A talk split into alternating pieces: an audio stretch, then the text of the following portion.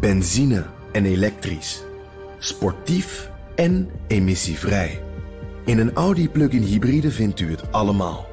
Ervaar de A6, Q5, Q7 en Q8 standaard met quattro vierwielaandrijving. Wat u ook zoekt, u vindt het in een Audi.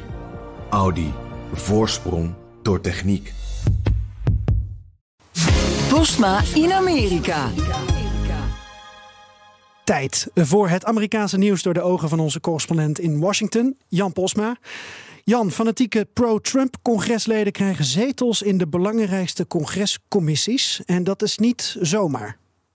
Ja, nee, eh, Trumps eh, bondgenoten hebben allemaal belangrijke zetels gekregen. Vier van de grootste bondgenoten van Trump ook. Bijvoorbeeld Marjorie Taylor Greene, uh, Lauren Boebert en, en, nog twee van hun collega's. Die komen in de House Oversight Committee. En dat is de commissie die al die onderzoeken naar president Biden en zijn familie gaat doen. Dus dat is echt wel belangrijk. Maar ook Homeland Security, Justitie, de, de Rules Committee. Allemaal prominente commissies waar nu allemaal Trumpers op invloedrijke plekken zitten. En de rode draad is, behalve dat ze allemaal Trump-supporter zijn. En dat de meeste tegen certificering van de verkiezingen van 2020 hebben gestemd. En, en veel ook een rol hadden bij die bestorming van het Capitool.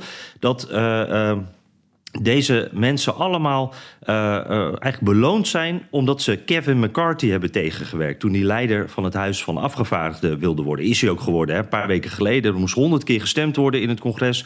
Toen werd hij het. En nu zien we de resultaten van die onderhandelingen daar. Deze mensen hebben hem uiteindelijk aan het leiderschap geholpen. Uh, daar waren voorwaarden.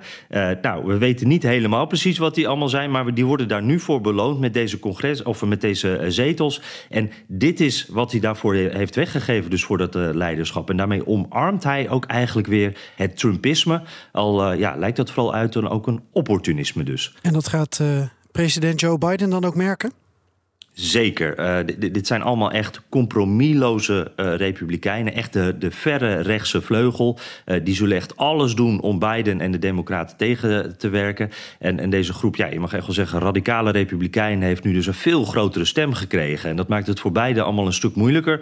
Ook als het beiden lukt om een keer een deeltje te sluiten met die leider Kevin McCarthy. Dan moet McCarthy eerst nog langs deze groep, langs zijn eigen achterban. En deze groep heeft bijvoorbeeld ook afgedongen dat als er maar één van hen ontevreden is over McCarthy, dat ze dan uh, een stemming mogen starten over zijn positie. En dan kan hij zo weer afgezet worden. Dus hij zit echt in een houtgreep.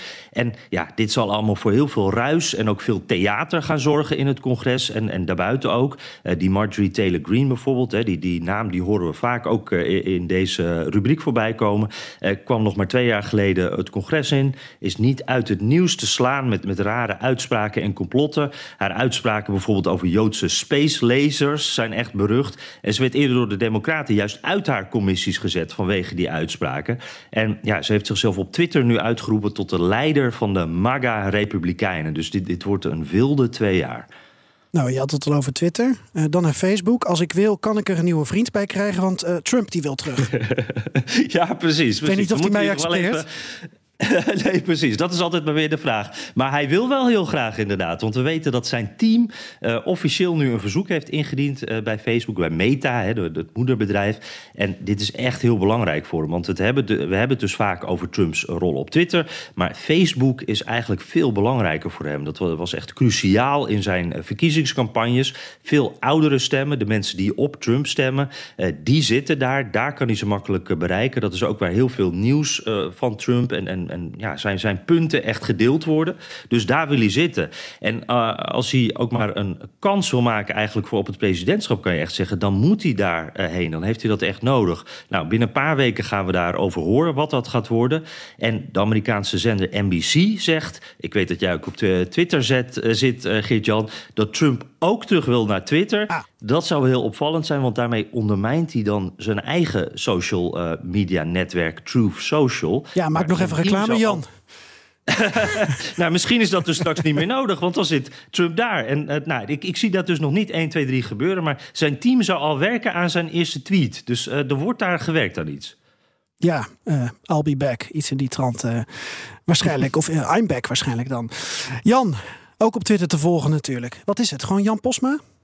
Uh, Jan Postma, USA. Kijk. Wij volgen elkaar al, toch? Jazeker, ja. Ja, ja, maar voor uh, alle anderen en Donald Trump. Onze correspondent in Washington. En wil je meer horen over dat uh, fascinerende land? Luister dan naar de Amerika-podcast die Jan en Bernard volgens mij vanavond weer, weer gaan opnemen. Benzine en elektrisch. Sportief en emissievrij. In een Audi plug-in hybride vindt u het allemaal. Ervaar de A6, Q5, Q7 en Q8 standaard met quattro vierwielaandrijving. Wat u ook zoekt, u vindt het in een Audi. Audi. Voorsprong door techniek.